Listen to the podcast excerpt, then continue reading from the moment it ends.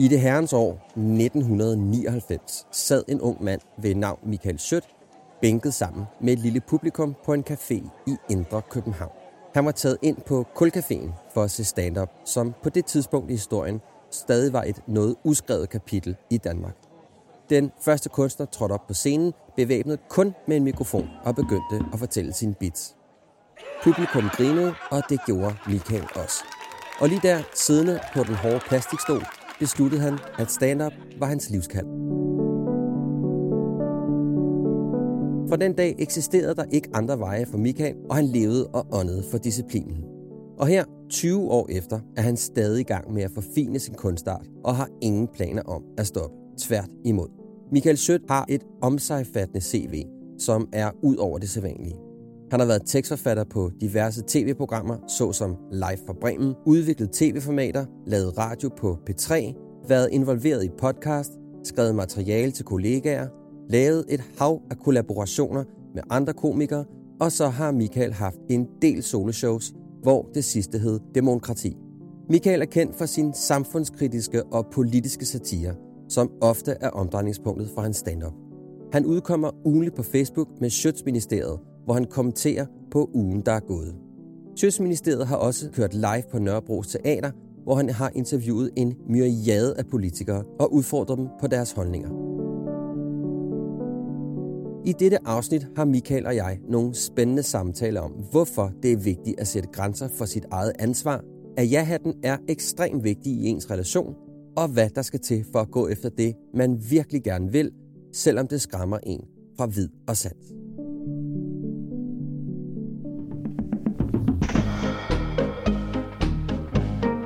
Hvad vil det egentlig sige at være en moderne mand? Og hvilke værdier skal man have styr på? Ikke bare for at have et godt forhold til sig selv, men også til sin partner. Disse spørgsmål og mange flere taler jeg om med mænd, som jeg finder inspirerende, og spørger ind til, hvad deres livserfaringer har lært dem. Alt sammen for at blive klogere på mig selv og min identitet som mand. Mit navn er Mikkel. Velkommen til Handkøn.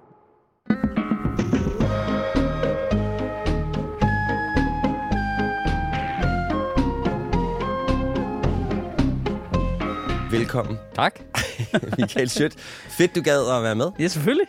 Øhm, vi skal jo tale om, om, om, om fire øh, værdier i dag, som ja. jeg mener er ret vigtige at have styr på. Ja. Øh, og øhm, jeg har brugt en del år efterhånden på at undersøge med forskellige mennesker, og nu er du kommet på, øh, på slagtebænken, skulle jeg til at sige. Det mente jeg ikke, det ord. Men, øh, jeg På Brixen, det På er, jeg har, Brixen. jo valgt sofaen. ikke? Ja, du har valgt sofa. ja. Jeg starter faktisk altid med at tale om ansvar, fordi for mig er det ansvar ligesom for mig lidt øh, politibetjenten. Ja. Altså det er den, der ligesom sådan, han sidder lidt og overvåger, om der er styr på tropperne, ja. Ja. om der er styr på dig selv. Ja. Og jeg plejer sådan at stille sådan, det er sådan lidt et helikopter øh, spørgsmål. Hvad er ansvar for dig? ja. Jamen, det er jo et godt spørgsmål. Jeg vil sige, mit problem er oftest, at jeg tager for meget ansvar. Ja. Altså, det er det, det, jeg kæmper med i øjeblikket. Det er det, jeg er nødt til i min øh, proces. Det er øh, ikke at tage ansvar for det hele. Det skal lige siges, at der er jo flere forskellige grene af det. Man kan sige, der er sådan en arbejdsmæssig ting, og så er der en familiemæssig ting. Ja. Eller en relationsting, eller hvad man skal sige. Ikke? Jeg ved ikke, jeg, jeg, jeg kunne forestille mig, at jeg havde samme mønster som cirka, øh, du ved, alle øh, mænd, der er kommet ud af min årgang fra cirka det samme sted, som jeg er. Ikke? Altså, du ved, Hvor gammel er du er nu? jeg er 43, ikke? Ja. Jeg begyndte at tjene mine penge selv meget tidligt. Øh, du ved, arbejdet som opvasker på Soho Storkro. Øh, jeg, jeg har gået på kostskole i gymnasiet, men med en masse, altså en masse almindelige børn, men også en del rich kids. Men jeg betalte det selv ved at arbejde som opvasker om aftenen Ja. I weekenderne. Øh, altså, og det gør jo noget ved ens identitet på en eller anden måde. Ikke? Jeg skal ikke lægge nogen til last. Øh, det er også det, min kæreste driller mig suverænt mest med. Det er, men du spørger aldrig, om jeg skal hjælpe med noget. Nej. Øh, og det er, fordi jeg foretrækker at klare alt selv. Hvor kommer det fra? Jeg ved ikke, hvad det er. Men det er Ja. noget, altså... Øh, jeg, jeg, altså, jeg plejer at have sådan lidt en skoletalagtig ting. Når man som teenager har tjent relativt gode penge på at gå ind i et super beskidt, svinet industrikøkken. Ja. Og, og jeg siger det med stor tilfredsstillelse nu. Jeg kan mærke, at jeg bliver i godt humør, når jeg siger det. Fordi det var så tilfredsstillende. Ja. Du kom ind der, altså du ved, så det der køkken på det der, øh, den der øh, Kro Kursuscenter, det var et ret stort sted, havde jo kørt hele dagen og har preppet og lavet mad, og der kom fucking selskaber og bryllupper og alt muligt, og de har preppet sådan noget. Du mødte ind der sidst på eftermiddagen. Der lignede lort det, der, du kunne ikke se gulvet eller væggen for stablede fucking tallerkener og øh, gryder og potter og pander og sådan noget. Og så skulle du bare gå i gang. Og så var der noget deadline med, at du skulle nå nogle ting. Du skulle, der skulle være sø, øh, bestik til service øh, øh, du ved, og sådan noget. Ikke? Men ellers så kunne du egentlig styre det selv. Og så når du gik derfra, var der spotless. Ja. Du ved, helt clean, hvide klinker. Det bare fucking duftede af, af citron. Ikke? Altså, den der følelse der, at, at cykle hjem ej, det var også helt ikonisk for mig, det der, altså, at det, den lå op på sådan en bakke, så når man cyklede på, på vej på arbejde, så cyklede man på sådan en latterlig lang bakke. Der var ikke engang noget til at dække af, så der var altid modvind. Og så om aftenen, så var klokken jo to, tre om natten. Ja. Øh, du ved, skyfri himmel, stjerner, ned ad bakke, hjem, ikke? Altså, Ren øh, symbolik, det ja, der. men den der tilfredsstillelse af sådan et... Øh, det er lige meget, hvad arbejdet er, men nu har vi gjort det. Så det var sådan lidt der, inden du sådan havde inden du var sådan helt en solid form, så er ligesom det kommet sådan en der indgroet i dig, det der ja. med, at du står på mål for sig selv og sørger for, at tingene ligesom bliver ordnet. Og... Ja, det er bare virkelig rart. Altså, det er jo sådan ja. en, det er jo, der er jo noget empowering i det. Mm. I ligesom at øh, have styr på sine egne lemmer og sine egne dele, ja. og hvor mine ting henne. Jeg er også sådan en, der pakker en lille taske. Jeg pakker ikke to store kufferter. Jeg skal have nogle andre til at hjælpe mig med at slæbe rundt. Du ved, altså... Ja. Selvforsynende hele vejen rundt. Ja, det er bare tryggest, hvis det er småt, og nemt. Mm. Jeg har heller ikke et stort hjem i øvrigt. Altså, jeg bor en lille lejlighed. Øh, du ved, har ikke mange ting og sådan noget, fordi det er rart. Øh, ja. Altså, jeg har samlet en masse nipskinstænd og sådan noget, ikke? men du ved, det, ja. altså, hvis der var ild i bygningen, så kunne jeg have de ting, jeg godt kunne lide i det kan du have en plastikpose. Ja, i begge mine hænder. Ikke? Ja, inklusive børn. Og... Ja, ja, lige præcis. Ja. Altså, så det er bare sådan en ret stor del af min måde at, at virke på. Ja. Og hvordan kommer det så til udtryk? Det, den der ansvarstagen? Jamen, altså, jeg vil sige, der hvor jeg så har problemet, er jo så i de, altså, alle de, altså, i parforhold og sådan noget, fordi ej, det, det bruger jeg relativt meget krudt på, og, og jeg er blevet meget bedre til det, men altså, jeg vil tage ansvar for stemning, og at folk hygger sig, og alle folk har det godt, og, mm. øh, og det har jeg brugt rigtig meget af mit liv på, simpelthen. Øhm, at tage ansvar for andre også. Men lad os nu sige, at der er lidt uorden i den stemning, at der ikke er, altså hvis du føler, at det Jamen, ikke så, er der. så jeg, jeg adopterer folks stress, eller folks ubehag, det adopterer jeg, og så vil jeg gerne nivellere det ved at påtage mig noget af det, eller øh, gå i gang med at fikse, hvad end det er, der er problemet. Ja. Og som man så lærer med alderen, så er det de fleste problemer øh, løses ikke ved, at man straks går i gang med at prøve at løse dem. Nej. altså, det gør de sgu sjældent. Øh, rigtig mange problemer går simpelthen væk af sig selv, hvis man lige trækker vejret en lille smule. Ja, og også lige måske bliver lidt i sin egen butik, ja, ikke? lige præcis. Og det vil ja. jeg sige, jeg er blevet bedre til ligesom at, at give folk noget. Altså, ja. Hvad er det, der sker? Altså, hvorfor er det lige pludselig, du bliver opmærksom på, at du har det der store behov for at tage ansvar? Ja, det ved jeg sgu ikke, hvad det er. Jeg tror ikke, der er noget bestemt moment mm-hmm. øh, i det. Det er noget, der sådan stille og roligt er kommet, og du er sådan ja, blevet mere og mere opmærksom på. Det er sådan kommet øh, snigende. Altså, jeg tror også, der er noget med... Altså, jeg har en kæreste, mm. så har jeg to piger, som jeg har med en anden kvinde, som mm. er min ekskæreste. Og det, altså, jeg har været sådan seriemonogam øh, i lange parforhold. Ja. Og vokset op med en enlig mor. Altså, du ved, altså, jeg, jeg er kun omgivet af, af piger. Ja. ja. Jeg har været det hele mit liv, haft pigevenner og sådan noget, ikke? Altså, så... Øh, jeg ved ikke, om der er noget af det, der ligger der på en eller anden måde, at øh, have... Altså, du tænker sådan, at, at der er måske en, at det er sådan en feminin dyde at være, at være empatisk og opmærksom på sine omgivelser? Er det sådan, du tænker det? Ja, eller... Øh, har, har i hvert fald har spejlet mig i, at, at de tager ansvar for andres du ved, ja. stemning, ikke? Og så adopter, har jeg adopteret, det antager jeg, jeg kan have adopteret fra min mor af, for eksempel, ikke? Ja. Som har været ret god til det også. Og jeg er ikke, altså, du ved, på trods af min alder, så altså, jeg, jeg, kan, jeg snakker meget om følelser, og jeg snakker altså derhjemme, og er god til ligesom at spotte andres følelser, og ligesom, øh, du ved, i talsætte dem for ja. dem. Ja. Øh, og det kan jo også være problematisk jo, fordi ja. det kan være pisse irriterende for sådan en 10-årig. Det kan godt være, at jeg godt kan se, mm. men det du har er følelsesmæssigt er det her, men mm. der har hun ikke selv noget til endnu. Nej. Hun det, er, jeg siger, hun, det er din tilknytning. Der er noget med din tilknytning der.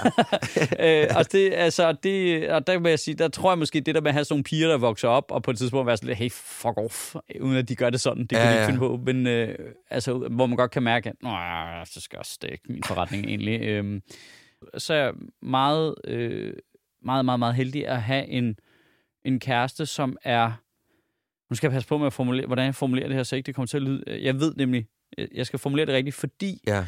at det er sådan noget, jeg ved, at hun selv synes er noget dårligt ved sig selv, fordi Ja. jeg tror, andre har skudt på hende med det, Ja. ja. og derfor er hun sårbar omkring det, men for mig er det en kæmpe stor værdi. Hun er enormt direkte i sin kommunikation omkring sine følelser. Hvis hun føler noget, så reagerer hun med det samme. Ja. Det er super behageligt Ja, at det være er nær mega fedt. Ja. Ja. Og jeg er, nok, øh, jeg er nok mere en planlægger.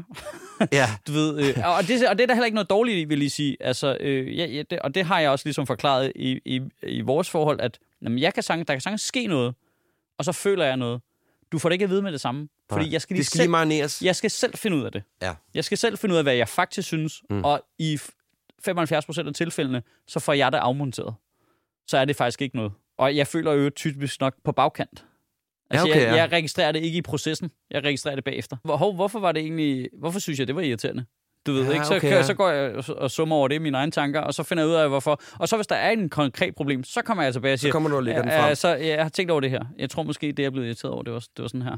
Okay. Fordi sådan her sådan her. Du ved, så jeg, ja. jeg, jeg kan godt lide at have, have tænkt over det selv først. Men hun er ret god til ligesom at være sådan rimelig hurtig på det. Hvilket er enormt rart at være i nærheden af. Ja. Altså, det gør Ja. det vildt nemt. Det er det. Og- og jeg hun har foretrækker også det. Og hun har dårlig samvittighed over det nogle gange, fordi, åh oh, nej, så reagerer jeg lidt meget. Ja, ja, men ja. så ved jeg jo, hvad der sker for helvede. Ja. Du ved? Altså, ja, ja, det er øh, men det, det har jeg ligesom taget lidt til mig på en eller anden måde. Det der med godt ligesom at kunne stikke fingeren op lige nu og være sådan lidt... Jeg Ja. tror Hov, lige, der jeg, tror, jeg, nu. tror, jeg synes, det er træls nu. Ja. Øh, Jeg ved ikke helt, hvorfor. Jeg, skal, jeg vender Ja. lige tilbage på den her, men jeg tror faktisk, jeg synes, det er lidt træls. Så du arbejder på sådan mere en ad hoc adgang til, øh, til dit følelsesliv? Ja, lige præcis. Men også at lade andre gøre det i virkeligheden, uden at det ligesom, øh, at de behøver, øh, at vi behøver at finde en løsning nu. Har du tænkt over, hvad det koster for dig at være øh, så meget over i andre mennesker? Ja, men det, men det tænker jeg meget over. Altså, ja. det, øh, altså, men det er også det der med ligesom at have den der, øh, okay, nu lad os anerkende situationen nu. Ja. Altså, for det er jo tit det der, når der er en konflikt, om det er med børn, eller om det er med voksne, så konflikten opstår typisk af, at enten begge to, eller en af parterne, ikke er bevidst om, hvad er det, vi gør. Det er jo typisk det, der er en konflikt, hvor hvis man ligesom har været værd til sidst, og lige tænker over det, og snakker om det samme problem igen, så er det lige pludselig ikke en konflikt. Mm-hmm. Så er det en udveksling af, øh, der skete, jeg følte, der skete det her, og så følte du, der skete det her. Og så, sådan, Ja, ja, og du og så, så får vi, følelser. Ja, så får ja. vi lige kortlagt det, og så øh, 9 ud af 10 tilfælde, kan, det kan jeg egentlig godt forstå jo. Ja, så har vi lært noget af det, ikke? Ja, ja. ja, ja. Øh, men så, så når der er en konflikt, så er det fordi, at den ene eller begge parter ikke er bevidst om, hvad det er, vi er i gang med. ja. Øh, Helt så, klart. så, så jeg jeg tror, jeg er blevet bedre til ligesom at... det- Jeg, kan, jeg vil lyve, hvis jeg sagde, ikke interesseret mig for det. Det vil simpelthen være løgn, for det fylder vildt meget for mig, hvis andre er i dårligt humør. Mm. Men jeg er blevet bedre til ligesom at lade som om, jeg er ligeglad. ja. Øh, øh, også ligesom... Fake it till you make it. Ja, ja, og- og det, prøv, og det er fint. Så går du ind og surmuler ind på dit værelse, ja. eller du øh, går hjem til dig selv og surmuler, og så snakker vi om det senere. Det koster måske lidt på stresskontoen, eller... Jamen, et, et, et, det er, jeg synes, det er svært det der med ikke at lade mit eget humør påvirke af det. Altså, jeg tror, det er det. Jeg Mm. tror, jeg adopterer folks humør. Hvad så, når du er inde i din relation med din kæreste? Når du sådan siger, at du har taget lidt, måske lidt for meget sådan ansvar. Hvordan ser det ud? Øh, Eller har du taget ansvar? Det er en ja, over, jamen, det tror jeg, ja, ansvar. jamen, jeg tror i det hele taget, altså det, og det er også mit instinkt at gøre det. Jamen, øh, hvis hun er i dårlig humør, for eksempel, så ja. har Ja. jeg lyst til at finde ud af, hvorfor er hun i dårlig humør, og hvad kan vi umiddelbart gøre ved det? For at ændre det, den. Ja, ja, ja øh, så, så du har det godt jo. Altså, Ja. ja. altså, øh, altså, jeg vil sige, at det er bare fordi, jeg, altså, jeg, jeg, jeg er ikke holdt op med det. Jeg har Mhm. bare fået en, med årene har jeg fået en lidt anden metode til det, Ja. ja. som er, at det hjælper ligesom at, at lade folk surmule i fred, han har sagt. Ja. Det hjælper rigtig meget, simpelthen. ja, nogle gange er de måske ikke bare brug for, men... Nej, nej. Og, ved og det sjove er, fordi det er jo mit eget behov. Altså, hvis jeg er sur eller ked af det, så skal jeg være alene. Okay, ja. Altså, det skal, jeg har ikke, altså, Vi skal ikke i plenum lige der. nej. Nej, nej, og jeg har, altså, jeg har ikke, altså, det er ikke sådan, at jeg altid selv går rundt og er i godt humør. Jeg kan sagtens dyrke min egen ked af det eller, eller sådan, fuck, det, var, sådan- det havde været nogle mærkelige dage, der. Jeg synes ikke rigtig, det spiller, jeg får ikke lavet noget, eller der Mm. mm. er et eller andet sådan, synes ikke, det hele er, som det skal være, eller sådan, så, øh, det gider jeg sjældent at snakke om, sjovt nok. Men, Ja. ja. det er stadigvæk, men jeg har stadig behov for, hvis andre har det, så har jeg behov for at finde ud af, hvad er det... Hvad der foregår. Hvad, hvad, sk- hvad sker der? Hvad, hvad, fordi det er jo ikke hyggeligt. Nej. altså, Nej. jeg vil bare gerne hygge mig. Og hvad, hvordan har du det med sådan øh, kritik i din relation? Det tror jeg er okay til. Ej, Ja. ja. det, det, det, der, er lige en, der er måske lige en... En lille arbejderbej? Ja, altså kritik i det hele taget, det har jeg det super fint med. Altså, jeg, ja, det ved jeg ikke. Jeg kan sagtens komme til for eksempel at være uopmærksom altså, hvis jeg har travlt. Ja. Altså, du ved, så, øh, eller på den måde, at du ved, så afvikler man en masse ting efter det sædvanlige mønster, og jeg har lige lidt travlt med nogle andre ting, så hvis der er noget, der er uden for mønstret, så, så er det ikke sikkert, at jeg lige opdager det. Nej, okay. det. Det er nok det kritik, jeg får oftest, og, som, og det er altid rigtigt. Mm. Mm. Og det har jeg ikke noget problem med. Det er også, det er, Altså, du mister sådan lidt, faktisk, øh, hvor du før måske har været sådan ret opmærksom på, hvad der foregår. Den mister du sådan, du mister lidt sådan... Ja, men øh, hvis det, du ved, alt på overfladen ligner sig selv, eller, ja. eller hvad man skal sige, ikke? Ja. Øh, at man ikke lige får spottet, at oh, har der været en eller anden konflikt på dit arbejde der, der er super nederen, eller sådan Ja. noget. Du får ikke lige spurgt ind til Nej, det? nej, eller... eller det, du ved, det, det er ikke, fordi jeg ikke bliver gjort opmærksom på det, men jeg har lige 40 andre tanker oven i hovedet, så Ja. jeg registrerer den, arkiverer den, du ved ikke... Øh, Til senere Nå, okay, Ja. ja. ja, eller måske bare lige høre det overfladisk, og så moving on. Vi Ja. har også det her, det her, det her. Ikke? Det giver i hvert fald, at det der er kritikken, og som er rigtig, øh, sådan en fornemmelse af over, eller sådan en øh, ikke at være opmærksom nogle gange. Mm. Er det, fordi du er sådan lidt distræt, eller hvad? Ja, det tror jeg godt, det kan være. Det tror jeg godt. Hvil- Hvilket jo sjovt nok står i skarp kontrast til gerne vil have, at alle folk har det godt. ja, ja. ja. Ja. Øh, men, øh, men det kan jeg sagtens. Men det er jo så typisk, fordi jeg så påtager mig alle mulige andres øh, Ja. enten bekymringer eller tanker eller sådan. Når du er bevidst, hvordan føler du, at du tager ansvar for den relation, du er i? Jeg synes, jeg interesserer mig altid ret meget for dem, jeg er sammen med. Mm. Altså, interesserer mig meget for, hvad de laver. Og, altså, jeg er ikke en af dem, der ikke gider at høre min kærestes arbejde. Jeg elsker at høre om hendes arbejde. Altså, Ja. jeg har det som om, jeg følger med en tv-serie eller sådan noget. Nå, og hvad sagde han så? Og sådan noget, ikke? Ja. Altså, sådan noget office-sladder. Ja, Ja. Jeg elsker det. Ved. Og så er der kommet en ny. Nå, okay. Og så han er den nye af ham der. Ja, ja, ja. Du ved, så noget elsker jeg. Så, altså, jeg jeg tror, jeg er ret investeret i dem, jeg er sammen med. Altså, jeg ved også, hvad alle mine børns venner hedder, hvad deres forældre hedder og sådan noget. Jeg er sådan rimelig investeret i butikken, kan man sige. Ja, Øh, det synes jeg er en måde at tage ansvar på. Ja, meget. Øh, øh, som, øh, og som jeg godt kan lide, og som jeg trives i. Det er, Ja. ja. ikke, det er ikke noget, jeg gør, fordi det er sådan tænkt. Jeg, jeg skrev her for nylig sådan et nyhedsbrev om det at kunne hyggesnakke, ikke? Ja. Altså, at hvor vigtigt det i virkeligheden er i relationen. Altså, det der, man men- kommer hjem, ikke? Ja, Og kan have den der, som du selv siger, Nå, hvad sagde Anders så? Blev Ja. Bjarne sur over det, og fik I toner i, i printeren? Ja. Og, altså, hvor vigtigt det er i virkeligheden at have de der samtaler, ikke? jo, jo, men det sker ikke, fordi det er sjovt, for small talk for eksempel har jeg ekstremt svært ved. Altså lad os sige øh, for- forældre til nogle af ungerne. Ja. Der, øh, altså jeg har svært ved small talk, men det er jo fordi small talk gør du jo med nogen, du ikke kender så godt. Øh, med folk, du kender godt, ja. der har I jo noget, en samtale at samle op. Øh, og noget, eller noget, vi skal snakke om, eller noget, der skal planlægges, eller et mm. eller andet, og så skulle vi ikke tage unge, alle ungerne med ud i skoven, eller et eller andet. Ja, ja. Øh, eller i forhold til min kæreste, så, så øh, jeg ved godt, hvad for nogle konflikter, der har været på hendes arbejde. Så jeg er også interesseret i at høre, hvordan det går med det, og sådan noget, ikke? Altså, Jo, jo. jeg vil ikke spørge om noget, der ikke er interesseret. Nej, Nej. det vil jeg sgu ikke. Altså, Nej. der, der, er for, der er jeg for, trods alt for kynisk. Jamen, det kommer måske også af alt muligt andet, men du ved, jeg er sådan en relativt introvert person, øh, sådan mm. øh, privat. Øh, og jeg bliver jo antastet af fremmede mennesker, både online og i virkeligheden øh, hver dag. Jeg ved ikke, det er måske i virkeligheden også en måde at tage ansvar for. Jeg jeg er sådan rimelig præcis med, hvad jeg gider bruge min tid på. Ja. Og hvordan jeg forvalter min tid, og hvem jeg, hvilke mennesker jeg bruger tid sammen med. Der er ikke noget random i det. Nej, Altså, mi- mit liv er indrettet ret meget, som jeg gerne vil have det. ja. Altså, og ja. fordi hvis der er noget, der ændrer sig, som jeg godt kunne tænke mig, der var, ikke var sådan, så laver jeg det altså om. Ja. Så tager jeg fat, og Ja, så ja. laver jeg det om. Men hvad vil... Og, det, øh, og, det er bare, øh, og det er bare sådan i kontrast til small talk. Mm. Altså, så de forældre, jeg interagerer med, eller ting fra min kærestes arbejde, jeg, jeg hører om, det, det, det spørger jeg ind til, fordi jeg interesserer mig for det. Ja, ja. Altså, Så det er øh, lidt hørt at sige, for lige at lave en flot bro tilbage ja. til, til, til det, du taler om, det er, at der er ved at ske noget i dig, og den måde, du tager ansvar på for dig selv i virkeligheden også, ikke? Og for dine omgivelser. At der er noget, der er mig, ja. og der er noget, der er nogle andre, Ja.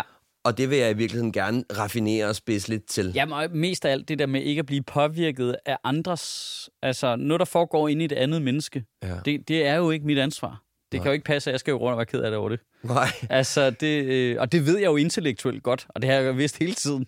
Men jeg, det, det, der har taget mange år ligesom at arbejde ind i at være sådan lidt, Nå ja, men sådan, sådan er det jo. Nu det er ikke lige mit problem. Lidt. Nej, nej, eller Birgitte, Så- hun er lidt sur. Det også- må Birgitte så arbejde Ja, med. og så, og så må, må de selv sige Theo. Ja. altså, Ja, ja. Det Øh, synes jeg er en meget god, øh, men altså, meget god strategi. ja, men, øh, men det er også svært, ikke? Fordi jeg synes jo også nogle gange, det er, det er lidt en småkonflikt, jeg kan med min kæreste nogle gange, hvor altså, vi har begge to sådan ret højt behov for al, at være alene. Øh, jeg kan ret præcis mærke, hvornår, jeg kan faktisk forudsige, hvornår jeg får brug for det, og så kan jeg planlægge efter det. Det skal lige siges, det er jo også noget nemmere med det liv, jeg har som selvstændig arbejder om aftenen, kører meget alene i bil. Jeg har naturligt meget alene tid. Ja. Så det er sjældent, det ligesom er på bekostning af noget andet tid.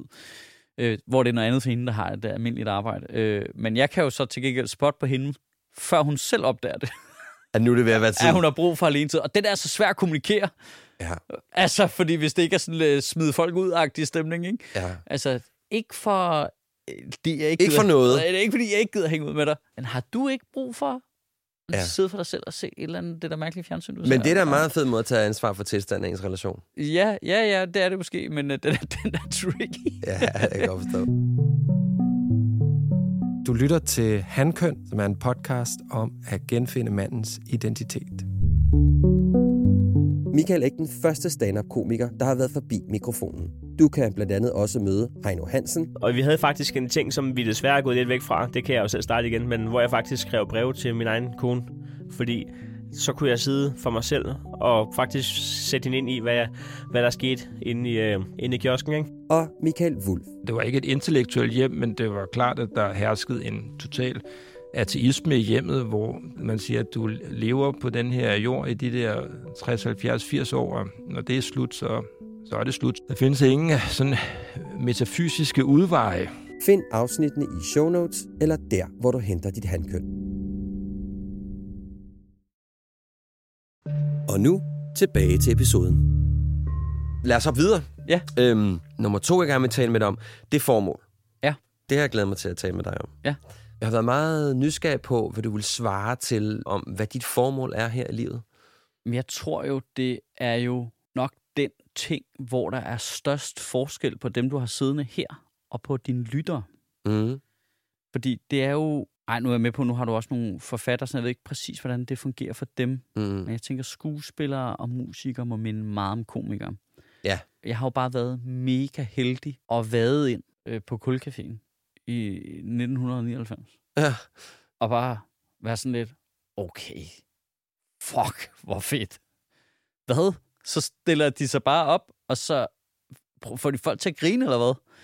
Og blev bare hovedkuls forelsket i den genre. Ja. Og det er jo bare det. Altså egentlig, ikke? Jo. Altså øh, på, Jo. på, i hvert fald i det helt grundlæggende, helt øh, inde i DNA'et, forelsket i den live-genre. Og at det er der så alle mulige, hvad kan man sige, sideting, men så når man ligesom får pakket det univers ud, Mm. Nå, st- stand-up, det er en genre, okay, og det... Og nu kom jeg jo også til meget tidligt, før det var noget, der egentlig... Altså, da jeg startede på det, der var det jo ikke et mål at komme til at leve af det. Det anede jeg ikke, man kunne. Jeg Nej. gik jo til det, som folk gik til, hvor det var improteater på aftenskole. Og så lige så at, at finde ud af, at der er hele det amerikanske univers, og det engelske univers. Og, Nå, okay, og det er en stor ting, og de lever af det. og De, så nu laver de også tv-programmer, og du kan også lave dit eget, og du kan også, at, du ved, der er alle mulige udviklingsgrene af det, ikke? Det er sådan en æske, du kan blive ved med at åbne op på en eller anden måde. Nej, der er også noget herinde, ikke? Mm. Øh, så der er bare sådan en fuldstændig barnlig glæde ved det der. Ja. Ja. Altså nu var jeg på en lille bit uh, open mic, på, der hedder Social Pop, der ligger inde i byen i går, hvor det jo er, der sidder, altså publikum, hvad er der plads til 30 mennesker eller sådan noget, ikke? Og de, du ved, i deres start midt 20'er alle sammen, og der er sådan en masse nyere komikere og sådan noget. Fuldstændig ligesom jeg selv startede nede på Kulcaféen, ikke? Altså, de er helt tæt på, og du, du kan se det hvide i folks øjne, og Ja. det er fucking fedt, altså, du ved, og så har jeg taget nogle nye ting med derned, og givet om det er sjovt, det her, og, sådan, og givet om det her kan noget, og kan, kan den her historie noget, Ja. ja. og sådan noget, ikke?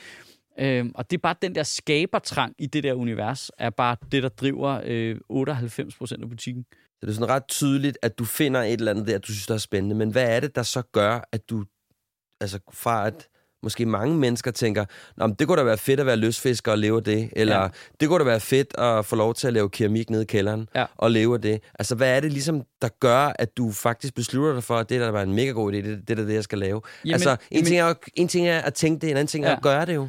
Ja, altså, øhm, det, det er jo... Altså, jeg, jeg plejer altid at sige, at øh, jeg er jo stadigvæk i tvivl om, at jeg skal leve af det. Ja. Øh, her øh, øh, par 20 år inde i processen. Øh, og det er fordi, at det var simpelthen... Altså, jeg tror, folk, der starter i dag, der er det noget andet. Fordi de har set en masse komikere i fjernsynet, de har også set en masse øh, nyere komikere, og de har en, der, der er en visualiseret en tydelig vej frem til det punkt. Det var der ikke, da jeg startede. Nej. Du kunne komme på Comedy Zoo, det var det vildeste, jeg havde hørt om. Det var det. Ja. ja. sådan var det, da jeg startede, ikke? Øh, og så lige pludselig var der nogen, der kom op til en efter en open mic og var sådan, hey, vil I ikke øh, komme ud og optræde til fredagsbarn på vores kollega? Jo, jo, jo. I får 800 kroner. Hvad? får vi også penge for det. Ja. Det var sygt gerne have. Altså, Ja. ikke? Øh, og så lige pludselig, så var der nogle flere steder, og så optrådte du på nogle gymnasier, og sådan, så lige pludselig var sådan lidt, nu tjener jeg jo penge nok til at betale min husleje. Gud, hvor sindssygt, ikke? Lige pludselig, så begynder du, der, så begynder du at spejle dig sådan rigtigt i udenlandske komikere, i andre, øh, altså både danske komikere, der så også på samtidig begynder at løfte sig op der. Det, det er lige par år efter, at du ved, Anders mm. Madsen laver Tal for dig selv, som var det første store sådan rigtige show efter amerikansk forbillede i Danmark, ikke? hvor man sådan, what? Gindberg havde været lidt i gang i forvejen og sådan noget. Ikke? Og så begynder ja. man at spejle sig i det, og så lige pludselig så øh, finder man, nå okay, og hvor meget sker ved, Så begynder du at lave sådan matematikken, jamen, hvor mange jobs skal jeg egentlig lave for at betale min husleje hver måned? Så skal jeg lave sådan her. Okay, det er jo ikke urealistisk egentlig Nej. som det kører nu. Men så har man også hele tiden, du ved, jeg tror, de fleste komikere har sådan en øh, huslejeomregner på deres økonomi. Det har jeg da i hvert fald stadigvæk, selvom jeg har lavet det i mange, mange år. Ikke? Jo. Hvor, hvis det stopper nu, hvor mange huslejer kan jeg så betale? Ja. Agtigt, ikke? Ja, ja. Altså sådan en, du har sådan en matrix ind i hovedet. Okay, det går fint, det er fint, jeg kan holde frem til. Men, ja. men hvad er det, der er benzin? Altså, jeg vil da umiddelbart tænke sådan, øh, jeg vil da vildt gerne være stand-up-komiker, og måske er jeg også sov og så videre, så videre. Men fra det, og så gå op på en scene, Jamen, jeg tror måske, det der skift er vildere end over til at leve af det, faktisk. ja, okay. Fordi det er jo en skrant, man skal ud over. Ja. Altså, det er det jo. Og, og min påstand er, at alle, der har tænkt, skulle jeg måske lave stand-up? Min påstand er, at alle, der har tænkt den tanke, de kan også godt komme til det. ja. Spørgsmålet er bare ligesom, hvad der skal til. Det er jo det. Men det er jo lige præcis det, jeg synes, der er spændende, det du siger, det er jo det der med, at der er en kløft, eller der er... Ja. Jamen, kløften er jo at gå derop, fordi det er en kæmpe angst at stille sig op foran folk og, og sige noget. Og, ja. Ja. og måske som komiker er det absolut værste, fordi du siger, når jeg stiller mig herop og er morsom, hvilket er den mest dårlige måde, du kan være morsom på, det er at proklamere det på forhånd. Ja, ja. det er jo fuldstændig... Præmissen er lagt, Ja, ikke? ja, det, Ja. ja. Er, det er jo idiotisk. Øh, og specielt, når du så er helt ny. Ikke? Men publikum, det, det skal man jo også huske, at, at, at publikum er jo også for fede. Altså, Mm. De kommer jo. Altså, det er jo helt vildt jo. De kommer for at grine jo. Ja, Så de er indstillet på og det. de lever med, at på en open mic er folk er dårlige, og er enormt tilgivende og søde og sådan noget. I langt de fleste tilfælde træder du ud i et, i et upcoming undergrundsmiljø, som er ekstremt øh, ja. ja. omfavnende. Og det er jo også det, der er interessant, ikke? Fordi det, altså, det kan man jo også sagtens, tænker jeg, sådan oversætte til andre ting, for det er jo tit det der med, hvis man gerne vil et eller andet, så er det jo tit, at folk gerne vil støtte en i det, ikke? Jo, jo, altså det vil jeg sige, jeg ved ikke, hvor jeg har det her fra, om det, det må være noget, jeg har samlet op en gang, men jeg siger meget tit højt ting, jeg gerne vil, længe før det kommer til at ske. Og jeg siger dem til andre mennesker. Jeg siger dem ikke kun højt for mig selv. Hvad Ja. kunne det for eksempel være? Jamen, øh, første gang, jeg skulle lave et, øh, et øh, one-man-show, det er en ret stor ting at få lov til, og hvor kan du gøre det henne, og hvem vil lade dig gøre det, kan du overhovedet sælge billet, kommer der nogle mennesker, du ved, alt det der, ikke? ja. Det, det er enormt grænseoverskridende øh, som dansker at skulle ud og sælge sig selv. altså alene, ja, ja. det er sygt grænseoverskridende. Det ligger slet ikke til vores natur. Jeg tror, jeg tror vidderligt bare på, at du er nødt til at sige de ting, du vil højt, så andre hører dem, så er der større sandsynlighed for, at de bliver til virkelighed. Altså, ja. øh, hvis du går og gemmer det, du gerne vil, inden i dig selv, hvordan skulle andre så vide det, og hvordan skulle de så kunne hjælpe dig? Ja. Fordi det, der sker i 9 ud af 10 tilfælde, hvis du siger noget højt, du gerne vil, og folk ved, nå, men okay, men shit kunne godt tænke sig at prøve at gøre sådan her, så på et tidspunkt er der nogen, der siger, hey, men der var faktisk den scene herover, de ledte lidt efter noget. Du ved, lige pludselig så ja. Det Du meste sætter ting i gang. Ja, det meste er jo netværksskabt. I alt i vores liv er jo netværksskabt. Ja. Altså, det er jo derfor, folk slår op øh, på Instagram, hver gang de mangler en lejlighed. Ikke? Altså, det er jo, det er jo, jeg mangler en lejlighed. Er der nogen, der kan hjælpe mig? Ja. Det er jo ofte, der er nogen, der kan det. Ja. Eller kender nogen, Så du sagde nogen. højt, jeg kunne godt tænke mig at lave det et one-man-show. Ja, ja, lige præcis. Øh, og, og når jeg vil noget, eller har nogle idéer, så er jeg ikke... Det er fordi, man føler jo, som ung, har jeg i hvert fald meget følt, at, åh oh, nej, hvad nu, hvis jeg siger noget, og det så ikke bliver til noget? Mm. Så har jeg jo fejlet. Men har du det? Er, er der ikke sket noget andet så i stedet for? Ja, Altså, præcis. altså du ved, det, det er sådan en nulsumstankegang, som ligger i vores kreativitet. Altså, at vi hele tiden har den der indre redaktør, øh, djævel på skulderen, der er sådan, du er ikke god nok, du kan ikke, du skal ikke gøre det her, og du er ikke, åh oh, nej, øh, det kan være, det går galt. Ja, og hvad så, mand? Altså, det, det er vidderligt en af de ting, man får pillet mest af sig ved at lave stand-up. Det, Du er det villig til at lave en fejl. er dog sindssygt, mand. Ja. Det, det skal man huske. Hver gang du ser en komiker lave en joke, der giver et kæmpe stort grin og et bifald, Var så der har han- 20 før? der er der er 140, ja. der er blevet sorteret fra, hvor publikum ikke har grint, og der har været crickets. Ja. Øh, og, der, er- og den samme joke har også ikke virket mange gange. Men lige pludselig bliver den justeret på ja, en eller anden ja, specifik det, måde. er sådan, og, ja. og, og det er det, man lærer af at arbejde med det i så miniatyrformat, det er, jeg kan ikke forudsige, hvor alle de her ting, jeg kan ikke forudsige, hvor i fasen noget af det her kommer til at virke. Mm-hmm. Så er jeg nødt til at gå i gang. Det er det, jeg lavede på den open mic i går. Det Ja. var, jeg havde nogle nye idéer. Jeg havde noget, jeg har sagt to-tre gange højt før. Øh, så, så går jeg ned og siger det, og ser, hvad der sker. Og så går jeg direkte ud, tager noter. Det der kunne noget, der var noget der. Det her, det er jeg ikke klar til at give slip på. Jeg er ret sikker på, at det er sjovt. Hvad fanden er der galt med det så? Hvad er det i kommunikationen, der er forkert, ikke? Mm. Øhm, og, så, og sådan bliver man ved, og det er bare sådan trial and error, trial and error, trial and error, trial and error, og det er bare sundt i rigtig mange andre Ja, henseende af ja, livet. ja. ja, i alle andre, andre kontekster også. Ja. Og Ja. det, det kan man så have svært ved at implementere andre steder, men en af de steder, hvor jeg selv synes, jeg har været god til det, det der med at sige højt, at jeg drømmer om at lave noget, og så håbe, at du ved, og så... Ja, grund til, at jeg laver det her i dag, altså hele handkøn, og jeg coacher og har skrevet Mm. bog og så videre, det er jo også sådan, fordi det er en dyb interesse og kærlighed for at hjælpe andre mennesker, og Ja, ja, synes, det er spændende. Og det kan jeg jo også se på dig, altså, som du siger, jamen det handler om, at wow, jeg blev bare forelsket det her. Men det jeg jo også ser, det er jo, at det har også udviklet sig hos dig, fordi du er jo, synes jeg personligt, en af de mest interessante komikere, fordi du har nogle du tør godt gå ind i noget. Altså, nu ved jeg godt, vi talte lidt om før, da vi startede Ja, ja. Øh, øh, mikrofonen, at du har ikke lyst til at blive klassificeret som en politisk komiker. Nå, nej, nej, nej det, det er også... Det, Eller hvad? Nej, så hårdt er det ikke. Altså, jeg identificerer mig ikke som sådan. Nej. Jeg forstår sagtens, at folk klassificerer mig sådan. Fair enough. Ja, ja, det forstår jeg. Det, det kan jeg sagtens forstå. Jeg kan sige, jeg lever jo også af den identitet, ikke? Jo, jo. Øh, men øh, det er jo ikke sådan, jeg er kommet ind i det. Nej, men det, fordi det, jeg synes, der er spændende, det er tit sådan, wow, jeg vil gerne det her. Det her kunne være spændende at lave. Og så lige pludselig begynder det jo sådan at krystallisere sig og blive til et eller andet Ja. meget specifikt, ikke? Jeg ser jo dig som sådan en af de komikere, som sådan har en profil. Altså, der er noget, du går op i. Du går ja. op i nogle aktualiteter, du går op i politik. Og det vil du gerne tale om. Ja. Altså, hvad er det, der er sket med dit formål? Du er blevet mere præcis. Ja, altså, jeg har jo... Der er sådan en udvikling som komiker. Man går igennem, når man starter, hvor man er ny. Så skal man først ud over den skrant, der hedder derop. Og det er nok en af de helt store. Så det, der sker undervejs i de første år, man optræder en masse på open mics, det er, jeg vil, det, jeg vil kalde det, at man finder sin stemme. Du skal lige finde ud af, hvordan du lyder deroppe. Og hvem, hvor, du ved, i starten er det jo fuldstændig, det er jo en ekstrem situation at stille sig deroppe, og du skal huske dine ting og sådan noget, så du lyder jo slet ikke som dig selv jo egentlig. Mm-hmm.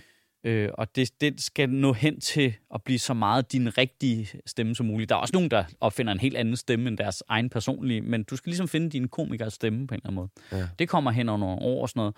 Og så skal, man, så skal du også finde din plads. Hvad er det for en type komiker, jeg er? Og der har jeg bare været igen svineheldig, at jeg opdagede det meget, meget tidligt fordi jeg interesserer mig for politik, jeg interesserer mig for historie, filosofi. De komikere, jeg spejlede mig i udlandet, det var George Carlin og Bill Hicks og mm. øh, britiske Eddie Izzard, der snakkede om historie, og øh, John Stewart med The Daily Show. Jeg spejlede mig i de ting, og det matchede fuldstændig mine interesser. Og min, så der var bare sådan, jeg skulle ikke vælge, hvilken slags komiker jeg var. Mm. Du ved, jeg skulle bare være, når jeg var mig selv, så, så stak jeg ud.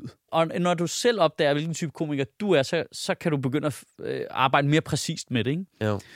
Øhm, så det gjorde jeg egentlig rimelig tidligt, og øh, i starten var det problematisk faktisk, på den måde, at øh, øh, publikum synes, det var mærkeligt, at jeg snakkede om politik. Øh, der var ældre komikere, der synes, det var mærkeligt, at jeg sagde, hvad jeg syntes om ting op fra scenen af. Det synes de ikke, man kunne tillade sig, når folk havde købt en billet. Nej, Det var lidt sjovt, men det var det faktisk... skulle kun være Candy Floss.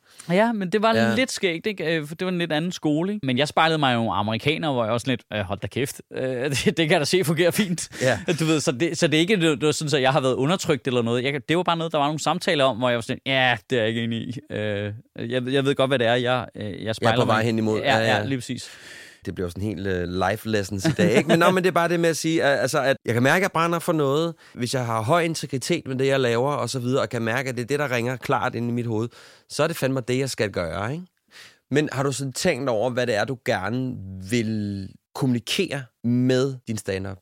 Ja, det har jeg jo. Altså, øh, altså, det er ikke sådan, at jeg har et specifikt formål i forhold til, hvad jeg har lyst til at kommunikere. Jeg kommunikerer, altså, jeg flytter mig jo med tiden, og mm. er meget påvirket af, hvad der sker i verden, i forhold til mit materiale. Både når jeg laver taler i Sjøtministeriet, men også når jeg laver stand-up. Mm. Men, men det, der sådan er forbilledet, er den der... øh, Jeg har altid været forelsket i, du ved, øh, Letterman, øh, John Stewart på amerikansk tv, der altid var der. Du ved, det var som om verden roterede udenom dem. Der skete noget, og så kunne du få det filtreret gennem dem. Ja. Så lige meget, hvad, hvor vanvittig verden var. Jeg, jeg tror måske, jeg, jeg har været meget, meget påvirket af nogle af de programmer, som The Daily Show lavede efter 11. september. Mm. Altså, hvor man jo virkelig bare tænkte, nu er det slut. Ja. Altså, med at have det sjovt. Vi Ja. kommer aldrig til at have det sjovt igen. Og så så du lige pludselig en komiker vise noget sårbarhed, og nogle følelser, og nogle holdninger til noget, og lægge sig et sted, og så lidt, nå ja, altså, der var sådan et eller andet i, det, det, var, det var beroligende. Altså, øh, du ved, der var en der, Mm. verden fortsat. Så jeg har bare været fascineret af det der lange forløb. Altså, jeg har altid haft sådan meget lange briller på, Ja. ja. når jeg har kigget på min egen karriere. Men Hvad er det, du gerne vil? Jamen, det er ikke noget, jeg vil næste år. Altså, endemålet er, du ved, det var, jeg har også altid følt mig ældre indeni, end jeg har set ud udenpå. Du ved, så jeg har sådan, altid haft sådan en idé om, at jeg, du ved, jeg piker, når jeg er i mine 50'er. Det, det, Ja. det, det, det er det, der er målet. Altså, det, det er ikke en sprint, det her, det er en maraton, og jeg tror, der stille og roligt hen mod det mål, der er herovre. Ja, ja.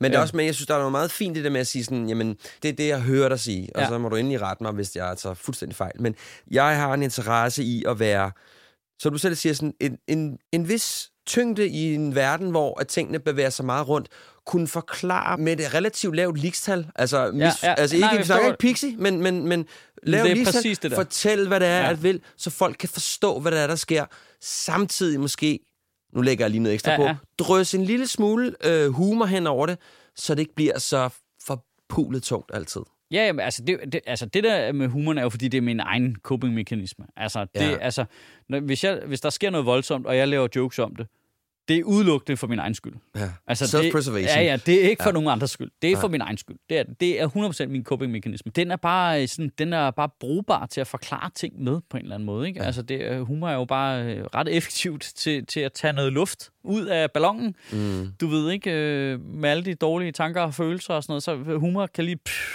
Ja. ja. lige tage trykket af, ikke? Jo.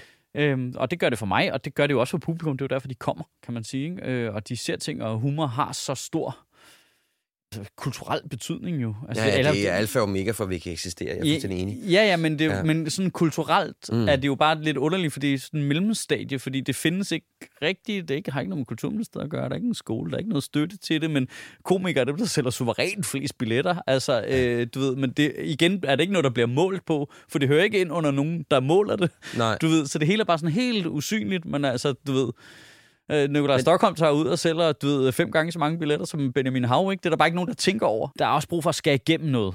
Altså, der, Ja. der er lidt meget... Der er øh, meget, man skal tage stilling til. Ja, der er meget cloud derude på en eller anden måde, ikke? Ja. Og, og, altså, jeg er med på, at vi snakker om, at russerne kan lave misinformation, men det er jo, der findes jo næsten ikke et firma, større firma eller en større politisk parti, der ikke er i gang med aktivt at betale Facebook for at lave altså kontinuerlig misinformation. Vel? Der, der er meget derude, og jeg kan også selv blive helt rundt af det. Ikke? Øh, altså, jeg forventer jo ikke, at, at der er nogen mennesker, der sidder og ser alle taler i Sjøtministeriet. Er fuldstændig godnat. Vi har lavet 480 af dem, ikke? Mm. Øh, og du kan umuligt synes, de alle sammen er sjove, og du kan umuligt interessere dig for alle emnerne. Men jeg har jo heller ikke set alle afsnit af The Daily Show. Det var ligesom det, der var mit billede. Det var ligesom, hvis der er noget, der altid er her, så kan du på et tidspunkt være sådan lidt, nu sker der noget. Ej, kan vide, om Sjøt laver noget på det egentlig. Ja, Så kan du vende tilbage til det. Det er Ja. ligesom den, den rolle, synes jeg er fed. Men det er sgu da et godt formål, Mm. synes jeg. Men jeg er også meget tilfreds med det. Man kan jo på mange måder sagtens tage det, du laver og sige, jamen jeg vil gerne starte min eget soft ice virksomhed. Ja. Whatever. Det er jo de samme mekanismer. Ja. Wow, jeg kan godt lide soft ice. Mm. Tør jeg gøre det her? Eller Ja. jeg vil gerne være pædagog. Eller... Ja. Der er jo ikke sådan det store forskel. Nej, nej, nej, nej. Altså, Og det er man derfor, sige, det er jo bare, altså, at være komiker er jo bare sådan, altså, det er jo sådan i anden potens at være selvstændig, ikke? Ja. Altså, Nå, men lad os, øh, lad os hoppe videre til, til nummer tre. Lytter til Handkøn, en podcast om at genfinde mandens identitet. Husk, at Hankøn også er på Instagram. Her kan du komme bag kulissen bag podcasten og få gode råd og værktøjer til dig selv og dit parforhold. Du skal bare søge på Hankøn. Har du gjort dig nogle tanker om, hvad for nogle behov du har i din relation? øh, ja. Altså, jeg har en, som er den, jeg sådan har kæmpet med. Jeg synes selv, at jeg er ret god til at kommunikere. Mm. Det forventer jeg også af andre. Det er ikke altid tilfældet. Det synes jeg lidt er noget, jeg har måttet lære folk, faktisk. Ja. Øh, simpelthen. Og, og, det, og det er et relativt dealbreaker for mig. Man behøver jo ikke at snakke om alting på et daværende tidspunkt, eller alt det der. Altså, folk kan have deres egen luft, men altså, lige noget helt basal kommunikation om, hvad der er, der foregår. Altså, både Ja. ja. i helt almindelig kedelig praktik, men også i, øh, i forhold til følelser og sådan noget. Ikke? Altså, Jo. Så du forventer en eller anden form for, der er en eller anden likstal, der, der skal være i den kommunikation, du har mellem dig og din partner? Øh, ja, nej, det, det behøver ikke at være på et specielt niveau. Der skal bare være noget. Okay. altså, det, det er ikke niveauet af... Det, det er i omfanget. Og hvad sker der med dig, hvis det, er, at det ikke er der? At det bliver jeg irriteret. Ja. Ja, det gør jeg altså. Øh, det er sådan lidt... Øh, jamen, og, og, det, og det, det er der, hvor de, tingene begynder at bide hinanden lidt i røven, fordi det er jo typisk, så er jeg ude efter noget information, fordi at jeg har fundet en eller anden måde, jeg kan gøre et eller andet bedre, eller smartere, eller hyggeligere for os alle sammen på. Mm. Men, hvis der er så, men det kan jo fuck op, hvis ikke man har alle informationerne, ikke? Ja. Altså, der er noget med at være den, der altid planlægger alting, altid, hele tiden. Så man også den, som, så jeg er nødt til at vide, hvad tid, eller du ved, det kan være sådan noget helt basalt noget. Mm, mm. Altså, det, det er sådan en ting, jeg har haft, det tror jeg faktisk, jeg har haft bøvl med med alle mine kærester, hvor jeg, hvor jeg specificere, ligesom, det er sygt fedt for mig, hvis du lige skriver, når du tager fra arbejde på vej hjem. Ja. Fordi det gør det nemmere for mig at sørge for, at maden er klar. Det er en lille bitte ting. Lille, bitte, bitte ting. Ja. Det er simpelthen bare meget nemmere, end bare Bare lige pludselig... for kartoflerne. Ja, ja, Ja. lige præcis. I stedet for lige pludselig bare, altså, så står der nogen, der siger, hvornår der er med? Jamen for helvede, den kunne være her lige nu, hvis jeg havde vidst det. Så noget med kommunikation Ja, er ret vigtigt. Ja, det synes jeg Også på det følelsesmæssige plan. At I kan Ja, men- tale om... Ja, ja, ja. Jeg synes, jeg, man skal, jeg synes jo, man skal snakke om de problemer, der er altid og sådan noget, men altså, det kan jo godt være on your own time. Altså, jeg har jo også selv den der lidt, jeg skal lige gå med det lidt selv først ja. og sådan noget, ikke? Det, jeg hørte dig sige, det er, at du forventer, at der er en kommunikation om, hvad der er, der foregår hos den anden. Ja. Og, Ja, og, altså hvis, det, altså, hvis der er noget, man gør. Altså, Ja, ja, det, kan ja, også, ja. det kan også være, at der er egen ting, så går de selv med det, og det er jo fint nok. Men Ja, ja. altså, hvis det er noget, der ligesom påvirker vores fælles Okay. liv, så synes jeg, at øh, det skal man snakke om. Ellers er vi ikke et hold, jo. når du kigger tilbage på de relationer, du har haft, Ja. og så sagt, okay, plus, plus, minus, minus, plus, plus, Ja, ja. og måske har samlet det en lille, på en lille dosmerseddel. Ja, ja. Hvad har du ellers sådan taget med dig, hvor du har sagt, de her behov har jeg sgu brug for? Jeg tror, det der, det, der, det, er sådan, den, det er den alfa og omega på en eller anden måde. Ikke? Ja. Altså, det, det er klart den, hvor jeg har oplevet, at det har været et problem. Mm. Nej, og så, så, har, så har jeg jo bare sådan nogle helt almindelige menneskelige behov. Altså, altså jeg, jeg har behov for at grine. Ja. Altså, øh, jeg er sammen med en, der er sjov, som siger noget sjovt, og, Ja. ja. og, og siger noget åndssvagt, eller har lyst til at gøre noget dumt, eller sådan noget. Ikke? Altså, Ja. Det er jo den, jeg hele tiden slår på trummen for. Altså, at man skal kunne lege sammen i ja, lige relationen, præcis, ikke? lige præcis. Og det er Ja. ja. næsten lige meget, hvad det er. Ja. Øhm, Du stikker en ært i næsen. ja, ja, men, Something. Ja, altså, vi skal have samme sprog der. Ja. Det er jo et sprog, man skal have til fælles på en eller anden måde. Altså, jeg griner for eksempel af, at min, min kæreste kan være sådan sygt under bæltestedet, ikke? Og hun er det aldrig offentligt ude, men derhjemme Ja. kan hun være det. Og det kan jeg også selv. Jeg er det heller aldrig ude offentligt, men derhjemme, det er sådan en, det er sådan en humor, vi har derhjemme kun, ikke? Ja. Altså sådan hjernedødt under bæltestedet. Altså det er idiotisk under bæltestedet, ikke? Ja. Øh, og det, og kæft, det griner vi meget af. Ja, det er altså, altså, sjovt. Jamen, også, men også bare kontrasten. Altså, det sjove er jo altid kontrasten til Ja. ja. et eller andet, ikke? Altså, hvis du sidder og ser noget alvorligt i fjernsynet, så er der en, der siger noget sygt under bæltestedet. ikke? Ja. Eller syg upassende. Ja, ja, lige præcis. Øh, sådan Ja. ja. noget der, eller... Ja, der, der var sådan en humorfællesskab, man er nødt til at have på en eller anden måde. Hvad synes du, det bidrager med til jeres relation, at I har det? Det gør jo, at man kan håndtere ret mange svære situationer øh, på en fælles måde. Ja.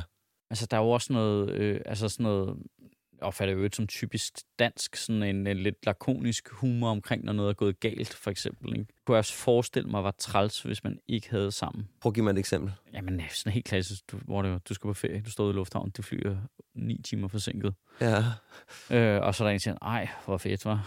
Altså, du ved, der er den der øh, sarkasme, eller sådan lidt... Øh, Ja, jeg altid drømmer om at være i Københavns Lufthavn i ni timer. Ja, ja lige ja. præcis. Ikke? Nej, nej, nej, nej, nej. Det er da også meget federe end hotellet. Eller sådan et eller andet, Ja, ja. Du ved, at man har sådan et fælles sprog for, at det synes vi er sjovt at gøre. At det, så tager det også lige noget energi ud af, luft ud af problematikken. Ikke? At man har sådan nogle øh, mekanismer der, ikke?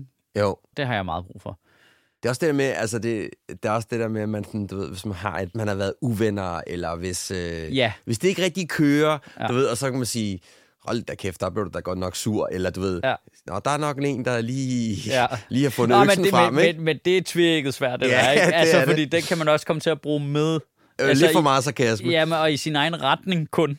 Ja. Altså, du ved, der, hvis man kan lægge den sådan på situationen generelt, Øh, hold kæft, mand, der fik vi da lige brugt to gode timer på det, var. Du Ja, ved, så, ja, så er det ja, fælles ja, ja, men det er rigtigt. Altså, Ja, ja. fordi det, det, Ja, ja, kæft, man skal, det, man skal ikke pege, det har du ret i. Man skal ikke sidde og stikke, øh, stikke kniven ind, øh, og så, og så der- der er humor bruge, jo- altså, bruge hu- humoren som smørelse. Altså, det, det skal man selvfølgelig ikke. Nej, der, der, der, humor er jo en, på den måde farlig, farlig ting, for du kan godt putte gift ned i den, ikke? Jo, jo, jo. altså, jo, det, jo, jo. det er altså en bryg, du laver. Ja, ja. og du vælger selv, om den smager iste, eller om den smager... Smager lort. Ja, lige præcis. Ja, ja, nå, så, så det, der har man et vist ansvar, ikke? Men øh, En ting, jeg faktisk, det er en sådan nylig ting, det er faktisk min kæreste, der i talsat det for mig. Jeg havde ikke selv tænkt over det, men jeg kan se, at det er det, jeg har været ked af i tidligere relationer. Jeg har ikke selv formuleret det sådan for mig selv, men jeg er ret nysgerrig. Altså, jeg kan godt lide nye ting og Ja. sjove ting, og hvad det der? Og hej, skal vi prøve det? Ja. Og sådan noget. Øh, det har, jeg har sådan en, ja, det ved jeg ikke. Naturlig nysgerrighed på Jeg synes bare, det er sjovt, når der sker et eller andet. ved, Altså, min kæreste kan godt komme hjem og have fået en eller anden dum idé med et eller andet. Og der, der er sådan lidt, ej, alle andre kærester, jeg har haft, de er altid sådan, de gad ikke noget. Du gider godt være med. Men det er da, fordi du har fundet på noget dumt, vi skal. Ja. Det gider jeg sygt godt. Ja. Øh, specielt hvis det er noget, jeg ikke ved, hvad er. Det er det bedste, jeg ved. Og det, har ikke, det havde jeg ikke tidligere formuleret for mig selv, mm. at det var det. Hvad giver det Ja. dig, at I Jamen, kan det? Jamen, det er jo, der er jo noget eventyr. Der er noget fælles eventyr. Jo, det er jo noget med, ej, skal vi tage ud og prøve at se det der? Hvad er det? Det ved jeg ikke. Kan vi lige google det lidt og sådan noget? Ja. Det ser lidt weird ud. Dansk Krybdyrs øh, ja, men Festival. Så, ja, men sådan noget, så, så man Ja. kan, tror du ikke, at det virker ikke som sådan et sted, der er fyldt med pensionister, eller hvad? Jo. Skal vi prøve det? Ja, ja, lad os, du, lad os prøve det. Eller, Ja. whatever. Det behøver ikke at være at gøre noget. Det er også bare at læse noget, eller du ved, finde et nyt tema, ja, se man en interesserer film, man aldrig nogensinde tror, man vi skulle se. Eller... Ja, eller interessere sig for et nyt tema på en eller anden måde. Ikke? Det er blevet meget bevidst om, øh, hvor stor del af mit liv det faktisk er. Mm. Kan man kalde det at have en kæmpe stor ja-hat på? Ja, det tror jeg måske. Al- Altså, jeg har jo kollegaer, der driller mig med det. Det er sjovt, du siger det der. Jeg har, jeg har jo kollegaer, der driller mig med, øh, altså, hvor øh, meget ja-hat jeg er Ja. i mange scenarier. Ja. Det bliver, jeg bliver virkelig drillet meget med det, men ja. øh, jeg, jeg kan ikke se, hvorfor jeg ikke skulle. Jeg Nej. havde engang, det var, jeg havde en samtale med, jeg ved ikke, om det folk kender fremragende stand up der hedder Morten Wigman. Han er også øh, forfatter på Tæt på Sandheden. God Ja. kollega, jeg arbejder sammen med ham i 100 år. Og ja, vi laver live for Bremen på det tidspunkt, som er et program, der kører på TV2, som havde en masse urimelig dårlige sketches. Øh, og også nogle gode nogen. Og ja. det, det var, øh, men det, jeg arbejdede på program, jeg elskede at lave det. Elskede at lave det. Det var nemlig sindssygt svært, fordi vi skrev jo sketchene på to-tre dage, og så blev der fucking lavet kostymer, og skuespillerne skulle øve sig, og så blev det bare sendt live i primetime på TV2. Ikke? Ja. Idiotisk projekt. Og jeg elskede det. Og kæft, hvor hyggede vi os med at lave det program. Og det Ja. var så svært. Fordi du skulle have sketchen både til at fungere live foran et publikum, og du skulle have sketchen til at virke på skærmen. Og det Mhm. var helt umuligt. Hold kæft, vi lavede meget lort. Men vi lavede altså også nogle ret geniale ting en gang imellem. Øh, men så på et tidspunkt, så øh, der, der er sådan en fase i det, hvor øh, alle forfatterne sidder og kommer med idéer til sketches og sådan noget, og så snakker vi om dem hver af dem, og så på et tidspunkt, så siger Morten sådan lidt i frustration til mig, men shit, altså hvis vi lytter til, hvad du siger, så er alle sketsene jo gode jo. De er jo ikke gode. Nogle af dem er jo lort. Hvor, hvor, hvordan, hvordan, kan du, hvordan kan du tro på dem alle sammen? Og så gik det op for mig, fordi jeg skulle formulere det frem. Så jamen, det er jo fordi, når, når jeg forestiller mig sketchen inde i hovedet, så er det Will Ferrell, der spiller den ene rolle, Åh, oh, ja. og Steve Carell, der spiller den anden rolle. Ja. Og så han sådan lidt, hvor er du dum, mand. Du er så dum. Så, så er alle sketch jo gode, når det er verdens bedste komikere, der spiller dem. Vi skal jo fucking have Julie Sangenberg og Lars Hjortøj til Ja. det. Altså, det Ja. er slet ikke det samme. At det var jo totalt rigtigt kritikpunkt, men det, det er bare meget sådan, jeg tænker. Jeg, jeg forestiller mig best case scenario. Ja. Jamen, og det er sjovt, fordi jeg, jeg, jeg kan huske, efter jeg blev skilt fra min daværende kone, så, så gik det sådan op for mig, at jeg i virkeligheden havde sådan lidt en tendens til at have nej-hat på. Ja. Jeg synes også, der var lidt meget salt i den der lasagne, eller Ja. at man kunne sgu da godt lige have, der kunne de da godt lige have speedet det op, så vi fik maden hurtigt, eller Ja, ja, det var meget med mad, tydeligvis. Ja. Men, men, øh, men, men hvor jeg sådan tænkte, ej, ved du hvad, jeg tror faktisk, jeg begynder at tage en ja-hat på. Ja. Så selvom det er det værste lortemad, du nogensinde har fået, eller det er det værste teaterstykke, du nogensinde har set, det er den værste fodboldkamp, du nogen- nogensinde har set. Og ja, hvad fanden, så vil du prøve det, Ja. ikke? Jo, jo, men altså... Det gør synes- livet lidt. Ja, det synes jeg. Altså, jeg ja. tror måske også, det kommer af, jeg elsker også live-ting. Jeg elsker at se teater, jeg elsker at se comedy, shows, musicals, whatever. Øh, og meget, altså specielt meget teater. Mm. Og det, det, det er ikke, så godt, vel? Altså, Mm. fordi det, altså, teater er jo bare svært. Jeg siger det med meget stor respekt for teaterskuespil. Ja, ja, det er men jo, det kan være en svær ting. fuck, det er svært. Ikke? De er jo lige foran dig. Ja, ja. Det er jo helt umuligt. Og man kan høre knir, de der Ja. ja. lille knirker. Jeg og, ja. siger dig, at du skal spille godt for at overbevise mig om noget som helst. Men der er jo nogle vidunderlige oplevelser derude. Der er også alt muligt bras. Ja, ja. Du ved ikke? Og det kan jeg godt lide. Jeg kan godt lide braset også. Jeg kan godt lide, ligesom så er vi ude at se, Nå, det var da meget fedt med det der. Jamen, det var det ikke lidt langt. Åh, oh, det var måske lige... Du ved, puha, og det, jeg tror også, vi havde fattet det til sidst. Havde vi ikke det? Jeg tror nok, vi havde. Du ved ikke? Og sådan noget. Men altså, så er det jo ikke perfekt eller noget, men ja, det selve det, at nogen laver live og tør gøre det, og gør det, Mm. og ude at se sådan et... Jeg kan ikke hvad fanden, jeg kan ikke huske, hvad det hedder nu. Det, det var sådan en græsk tragedie, der spillede på Husets Teater. Ja. Altså, skuespilleren bare stå nøgne på scenen og smurt ind i blod og sådan noget. At, at, det var slet ikke min genre. Altså, tragedie er slet ikke min genre overhovedet, men jeg var helt fascineret af, fuck, er de sindssyge. De spillede jo et, det var ikke noget dårligt. De Nej. spillede sindssygt godt, ikke? Ja. Altså, det, det, det, det, den der magiske oplevelse af, at det virkede i det rum, at du bare tror på den smerte, den person formidler til dig live foran dig på scenen. Ja. Der skal altså noget til. Det, det skal der nemlig. Ja. Det er den ene ting. Den anden ja. ting er, at du får ikke den oplevelse, hvis ikke du tager chancen. Hvis du er sådan lidt, ah, hvad er det der? Det ved jeg ikke helt. Nej, men det finder vi ud af jo.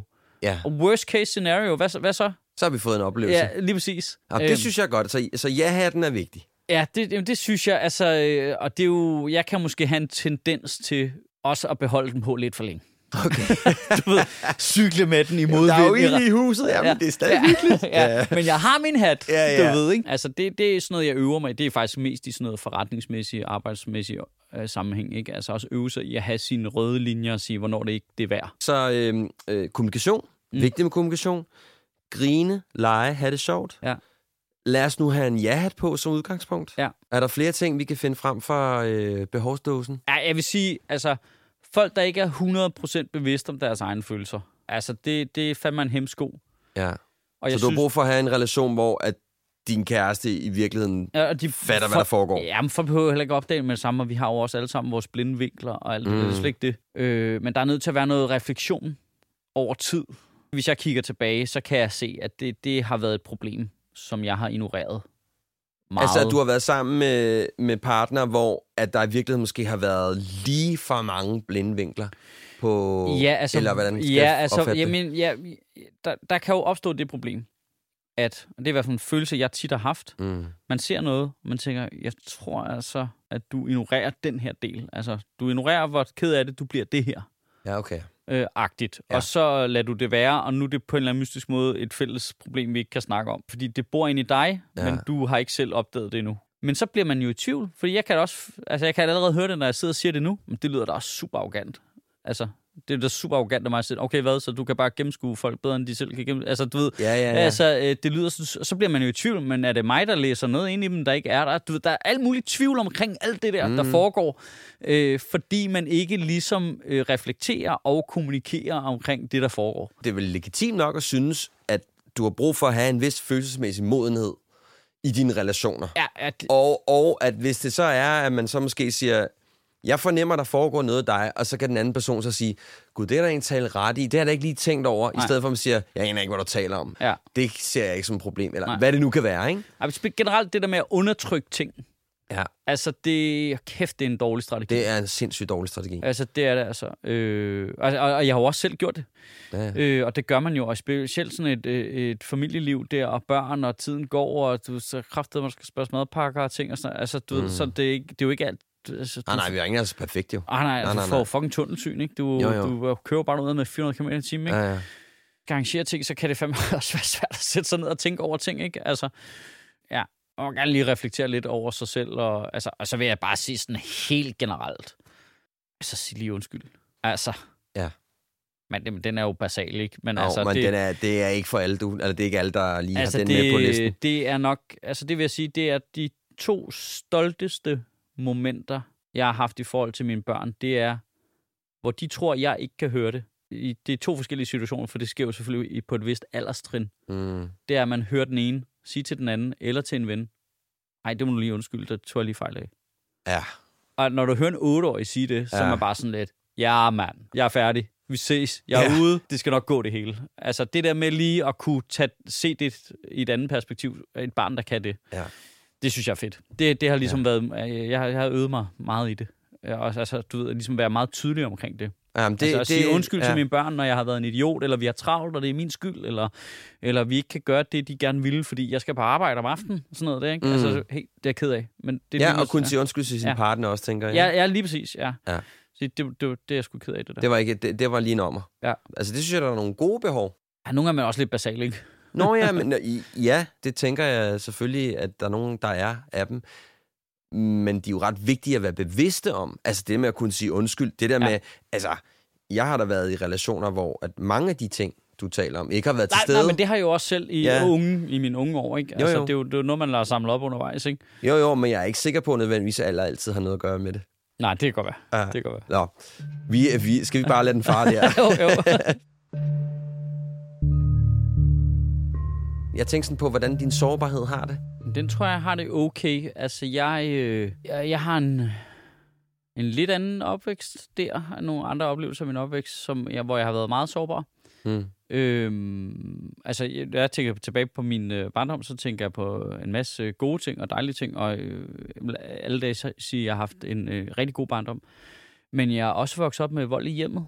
Øhm, Okay. Og øh, så vi har boet på krisecenter, og, og vi måtte flygte og bo i Jylland og sådan noget. Øh, og Var det din far, der øh, det gav den, gav den gas? Øh, nej, min mor og far bliver skilt, øh, altså før jeg kan huske. Da jeg Okay. er meget, meget, meget lille, får hun en ny mand, og får øh, min, som hun får min lillebror sammen med. Og der er vold der. Okay. Øh, og det er ikke noget, jeg har været udsat for, øh, men jeg har været i nærheden af det. Og specielt været nærheden af den stemning, det skaber. Og så øh, det efterfølgende, der var en periode, hvor vi sådan blev chikaneret, og du ved, han holdt ud foran vores hjem og dyttede, og sådan, okay. altså Okay. sådan noget. Og der har jeg været 8, 9, 10 år gammel, 11-agtigt. Så det var en øh, lang periode. Ja, det, det er over en lang periode. Det er over Mm. en del år, det her. Det øh, på en ene eller anden måde påvirker vores liv på en eller anden måde. Men min mor har altid været sindssygt god til at snakke om det. Altså, jeg har altid følt, at jeg er blevet respekteret i, i det. Jeg ved ikke, om det giver mening. Det giver total mening. Og det er ikke, fordi jeg føler, at vi har snakket om det i månedsvis eller noget, Mhm. men der har været noget med at anerkende hinandens følelser i det. Så det er jeg slet ikke bange for, det der. Nej. Altså, der, der har jeg Så hun fået... lyttede til dig, fordi hun Ja. godt kunne se, at du var bange, eller der er sket ja, noget. ja, ja, og- og jeg har set hende være bange og ked af det. Altså, du ved, Okay. så der er sådan en... Øh, Så hun fortalte også dig, hvordan hun havde det. Øhm, ikke, altså det er ikke sådan, at jeg kan huske det i, sådan, i, i detaljer eller noget, men jeg husker bare ideen om, at vi sidder og snakker sammen om det. Ja. Altså, øh, Der blev åbnet for nogle sluser. ja, lige præcis. Ja, ja, og vi har kunne tale om, hvordan vi øh, gjorde det ene eller det andet, eller hvad, hvad der nu skete og sådan noget. Mm. Og det har været sådan en, en rodfæstelse på en eller anden måde i forhold til, at for det første så føler jeg mig nu meget sjældent sårbar, øh, men jeg har ikke, altså fordi jeg sætter alt i kontrast til det jo. Nå ja. Det har ja. jeg snakket med mange om, det her. Alt er i kontrast Kors. til det, så altså hvor slemt er det her? I Ja. forhold til den følelse, jeg havde dengang, ikke? Det giver mening. Ja, øhm, så, så på den måde har det, føler jeg, at det har været en kæmpe styrkelse. Men jeg er heller ikke, øh, altså jeg kan sagtens formulere, når jeg at, du ved, har et, et problem, som jeg synes er svært. Altså Ja. det er ikke, fordi der ikke har været andre svære ting. Det har jeg ikke noget problem med at snakke om, sådan som sådan. Nej. Så du har ikke noget problem med at være sårbar over for din, for din kæreste, eller... Nej, det tror jeg ikke, Nej. Men altså, det er skide svært, fordi det er jo ikke noget, jeg er så meget, så det er svært at vurdere. Mm. Mm. Men jeg føler ikke, altså, jeg går i hvert fald ikke og holder på noget. Nej. Øh, det, det gør jeg ikke. Hvordan har du den, når andre mennesker er sårbare over for dig så? Øhm, det tror jeg er okay. Altså, jeg har sgu... Jeg synes, jeg havde en periode som sådan noget i mine 20'ere, hvor der havde jeg det sgu lidt stramt med, hvis folk græd ret meget. Fordi jeg havde en opfattelse af, at der skulle noget meget, meget slemt til, før Ja. man græd, ikke? Fordi det var det, jeg koblede med det. Mm. Øh, og det, er, det, er, det har jeg fjernet mig fra, det der helt. At, øh, det er jo bare nogens måde, og nogle gange, de bliver bare overvældet af deres følelser momentant. Det, det sætter dem jo ikke ud af kraft. Mm. Det er fordi, jeg havde sådan en idé om, at det satte alt ud af kraft. Det annullerede alt, hvis du græd. Det gør Ja. det jo ikke overhovedet. Det er jo bare et... Øh, det er jo bare en coping-mekanisme, Ja, ja, som alt muligt andet. At øh, der er nogen, der slipper nogle tårer, og, eller kan blive, øh, du ved, lige bliver over, overvældet af følelserne momentant, Ja. og så går det væk igen. Ikke? Ja. Ja. Og så snakker man videre. Ja. Og det, det har jeg lært undervejs. Kan man tale om, at man så måske også bliver, eller man, og så mener jeg jo dig, Ja. at man også bliver lidt lam, hvis man har set det, du har set som barn, Ja. hvor jeg forestiller mig alle mulige tivoli ting, som Ja. ikke er særlig rare. Altså dårlig Ja. tivoli, ikke? Ja. Og, og man så ligesom tager det med op igennem sit liv, bliver man så lidt øhm, sådan lam over for det? Altså mister man noget empati? Ja, det, det føler jeg ikke. Mm-mm. Men der er jo rigtigt i, der er noget i en gradbøjning, ikke? Ja. Ja. Altså, det er jo klart, det, der kommer en eller anden form for gradbøjning ind, hvor du ved, så, så har jeg øh, lige to felter mere. ja, for du har jo set nogle ting, ikke? oplevet Øh, nogle jeg, ting, Jeg har to felter mere, ikke? Ja. Ja. min måske på en eller anden måde. Men det, det tror jeg ikke. Altså, det er jo ikke sådan, altså, når folk har været sårbare over for mig, eller øh, det, altså, jeg, jeg har været så heldig i mit liv, at folk har kommet til mig, når de har været sårbare, ikke? Øh, fordi de har følt, at det, det kunne Det kunne de. du godt rumme. Ja, ja, og jeg er blevet bedre til at håndtere det sådan i, i det hele taget, men øhm, og jeg, jeg tror også, altså, jeg tror også, at jeg ikke har problem med at være sårbar over for andre, men grund til at tøver er fordi, altså, jeg, jeg føler mig sjældent sårbar. Det, det er fordi, der kan jo sagtens være noget, der går galt eller dårligt, eller sådan noget, og så er man sådan, åh, fuck mand, øh, du ved, så har jeg brug for at snakke om, at det er fucking træls det her, eller, åh, hvorfor, Ja. det var også sådan der, jeg blev ked af det der, eller sådan. Men det, det, det, det er sjovt, for det, er rep- det putter jeg ikke i rubrikken sårbar, Nej, faktisk. nej. Fordi for mig, der skal det være noget voldsommere på en eller anden måde. Altså, Det er ligesom om, at det, altså jeg får sådan et billede af, ligesom at, at, at, at din, altså sådan en øh, sådan Darth Vader, altså du er sådan, nå, men altså din sårbarhed er sådan blevet, et- ikke Darth, den lyserøde Darth Vader, altså ligesom at din sårbarhed bare er blevet så integreret i den måde, som du kommunikerer på. det- Det... Altså det slet ikke er noget, som du sådan, det er nærmest det samme, altså det er ligesom bare en gren af at tale, det er sådan, nu tæ- jeg bliver jeg sgu lidt ked af det, når det der skete, eller, og det gør mig lidt ked af det, når du siger sådan der, eller, for, altså det virker som om, at det er sådan nærmest, det, det er flettet sammen i dig. Ja, det tror jeg. Altså, jeg, Ja. øh, altså, det føles sådan i hvert fald. Altså, jeg synes sagtens, folk kan være sårbare og, og have plads til det, og jeg har ikke...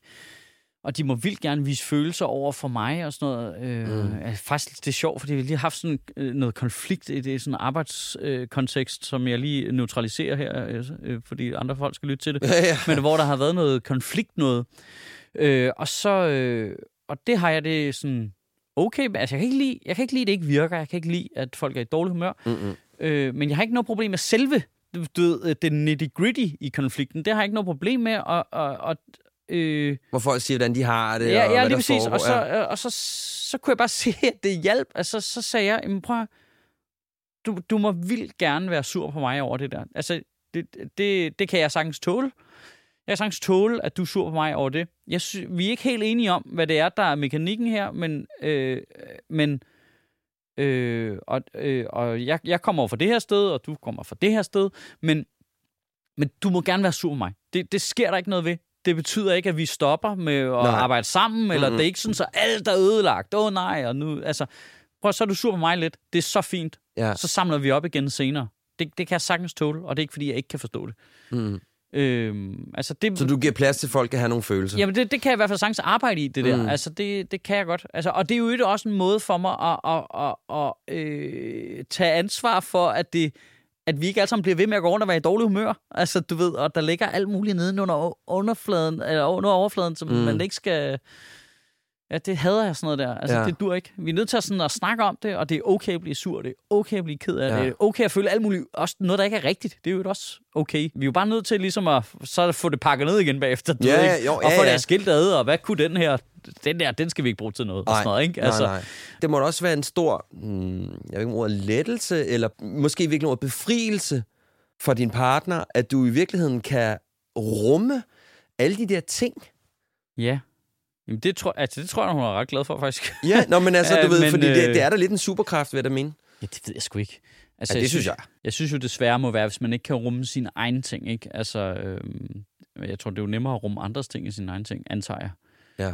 At det der, altså, hvis man går og undertrykker sine egne ting. Ja. Jeg synes, der er et mønster, jeg kan genkende for folk nogle gange, at de har nemmere ved at hjælpe andre folk, end de har ved at hjælpe sig selv, ikke? Absolut. Øhm, men det skal lige siges, at jeg synes, der er også sådan, altså, fordi vi får det til at lyde lidt rosenrødt og sådan noget, der kan jo godt være sådan lidt en skyggeside af det også er, altså, det, det, som ligger i den der del, vi snakker om lidt tidligere med at være præcis i, hvad man bruger sin tid på, at være lidt kynisk omkring, Mm.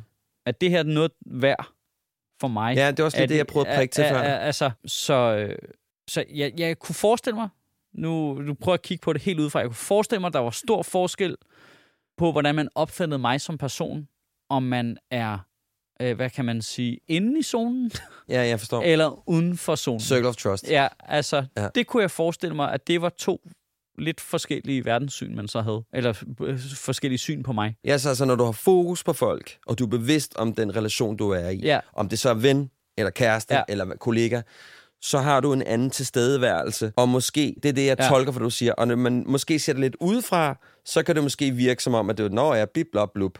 Ja, ja, ja og, og kan også virke utilnærmelig. Ja. Altså, og en, som ikke gider snakke med folk. Fordi det er sygt mange mennesker, jeg ikke gider snakke med. altså, Ja, ja, der er ja. vanvittigt mange mennesker, jeg ikke gider snakke med. Ja. Du ved, det er langt de fleste, faktisk. Ja, så, så jeg tror, der er sådan en forskel der på en eller anden måde. Det er, det er også noget med, altså, når, når jeg sagde tidligere, ligesom, at mit liv er indrettet, som jeg gerne vil have det nu, så er det fordi, jeg har gjort det og taget ansvar for det. Men det koster jo også noget. Altså, Ja. det koster en skilsmisse. Det koster en, altså, det, det er nogle dyre ting. Altså, Ja. det er nogle store ting, der er ligesom, hvor man siger, "Men det der spiller ikke. Det skal fikses.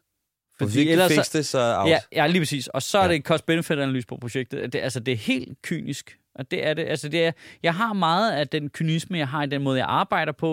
Og nu siger jeg kynisme som sådan en dårlig ting. Jeg mener faktisk som en ret god ting, ligesom sådan en, en afvejning, sådan en analyse af situationen. At, jamen, er det her et, et, et frisk dæble, eller er det et rådden dæble? Det er rådden dæble. I skraldspand med det. Moving on. Jeg, jeg, kan ikke bruge mit liv på noget andet der. Jeg kan, ikke, jeg kan jeg ikke. Altså, det, så spilder mit liv. Jeg har for mange sjove ting, jeg ved, og der er alt muligt skørt, der sker, og jeg skal også se noget. Og det kræver også, at man laver nogle valg. Og de valg er ikke altid sjove. Men du har taget dem? Ja, det har jeg. Ja. Altså, øh, og det gør jeg. Og det har jeg ikke noget problem med. Altså, det er sådan... Øh, altså, på de dårlige dage, så kan man jo godt være sådan lidt, åh, oh, okay, er jeg, er jeg sådan en kæmpe nar, eller hvad? Altså, men egentlig er det jo noget selvbeskyttelse, ikke? Jo, jo, men man siger, det er jo også måske det kombineret med din fortid, med din, kombineret med det, Ja. kombineret med hvem du er som person. Altså, det er jo alle de ting, som er kommet frem til, Ja. at den her måde, jeg har lyst til at leve mit liv på nu, som øh, i starten af 40'erne, midt 40'erne, Ja. øh, er den her måde, og jeg er villig til at tage prisen for, hvad det koster. Ja. Jeg, fordi... så tager, jeg, så, jeg står på mål for den måde, jeg er på. Ja. Og kan du lide det, og er du okay med det, og så videre, fedt. Hvis ikke, så er det også okay. Ja, jo, det er faktisk ret tæt på en formulering, jeg jævnligt har på sms til min kæreste, som er, øh, jeg tuller lige rundt og hygger mig. Du må gerne være med, hvis du har lyst. Altså, det er sådan, fordi så, der er ingen forpligtelse i det. Nej. Og så nogle gange sin andre egen ting, så er det super fint. Og jeg laver ikke noget vigtigt, er også det, det signalerer. Ikke? Ja, ja, Så ja, Hvis ja. du, selv Du må gerne være med i, Ja, du kan i, bare komme i, og forstå- ikke vigtigheden. Ja, lige præcis. Ja, ja. Jamen, jeg tænker, at øh, jeg, jeg tænker, vi har været meget godt rundt. Hvad tænker du? Ja, har vi ikke det? Jo, Altså, vi ramte de der fire uh, punkter. synes der. jeg. Ja. Øh, Michael, Det flyder var- lidt sammen, det hele, ikke? Jamen, det skal det må ja. Ja. det gerne gøre. Det må godt blive lidt en rød grød en gang imellem. Men Michael, tusind tak. Det har været simpelthen så hyggeligt. Fedt, mand. Ja, tak. Selv tak. Det var det. Optur, mand.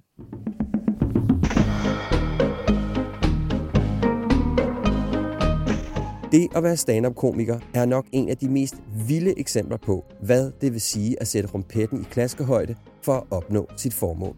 Der er intet at gemme sig bag, og der er kun én, der kan tage ansvar for, at du kommer derhen, hvor du gerne vil. Og det er for mig meget inspirerende at se, hvad Michael kompromilløst har sat på spil for at nå sit formål, og sætter samtidig et vis perspektiv på mit eget. Næste gang kan du møde Jasper Ritz og David Mandel, og vi skal tale om det at være far. Indtil vi lyttes ved om et par uger, så se at få den ja-hat på. På rigtig godt genhør.